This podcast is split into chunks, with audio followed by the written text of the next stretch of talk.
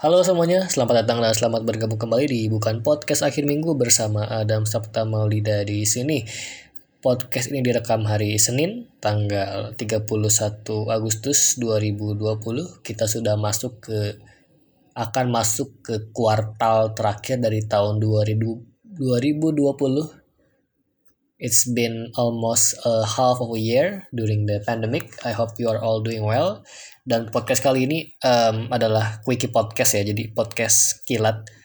Judulnya itu adalah batas bawah moral manusia. Jadi uh, menurut aku diskursus atau diskusi di sekolah dan juga di ruang-ruang diskusi publik, ruang-ruang diskusi sosial, mayoritas kita membicarakan tentang bagaimana cara menjadi orang baik yang itu tidak salah sama sekali, malah bagus gitu. Misalnya kita kan diajarkan mengenai nilai-nilai moral, nilai-nilai santun, kesantunan, nilai-nilai keagamaan, nilai-nilai saling menghormati, saling menghargai yang aplikasinya atau implementasinya ya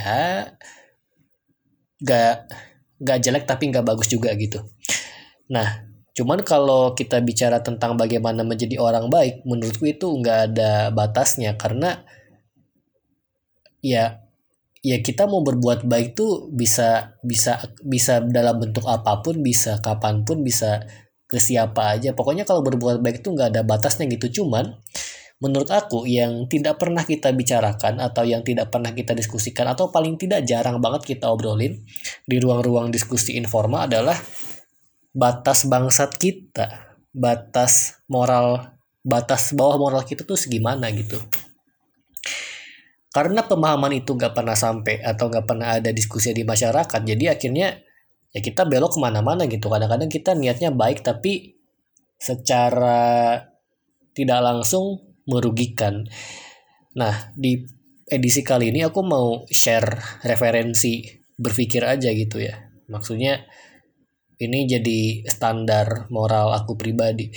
Dan podcast ini atau keresahan ini muncul ketika aku baca berita beberapa hari yang lalu di mana Komnas Perlindungan Anak memutuskan untuk melarang penggunaan kata anjay karena dinilai karena dinilai memiliki muatan negatif yang menurutku lucu gitu ya. Dari sekian banyak isu mengenai perlindungan anak tentang bagaimana anak itu di diperjualbelikan untuk jadi properti mengemis tentang bagaimana anak-anak jalanan nasibnya, pendidikan anak-anak, seksual abuse terhadap anak-anak, kekerasan di rumah tangga yang terdampak kepada anaknya gitu kan dan banyak lah dan Komnas Komnas PA um, melakukan tindakan yang menurut aku nggak perlu gitu.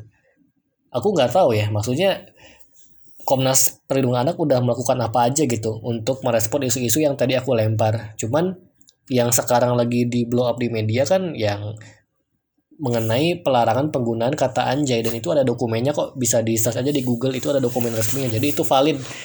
Maksudnya kalau kata anjay dilarang karena dinilai bermuatan negatif, masih ada banyak kata makian lain gitu. Katakanlah nanti semua kata makian dalam bahasa Indonesia di ban sama Komnas PA masih ada kata makian dalam bahasa daerah kan. Ada asu ada janjo. Ke bahasa Komnas PA mau ngurusin kayak gitu aja waktu anda habis dong.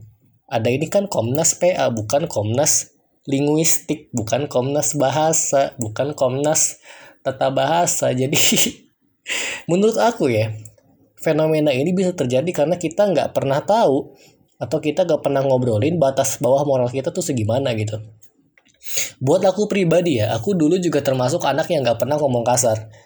Anti banget ngomong kasar. Kayaknya kalau ada orang yang ngomong kasar, yang ada ngomong makian itu kayaknya, wah ini orang udah gak beres lah pokoknya.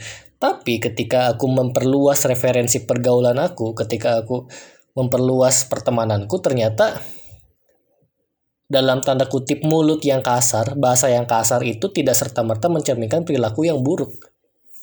Loh ya iya dong, semua pelaku korupsi itu pakaiannya rapih kok. Semua pelaku korupsi itu bahasanya bagus kok.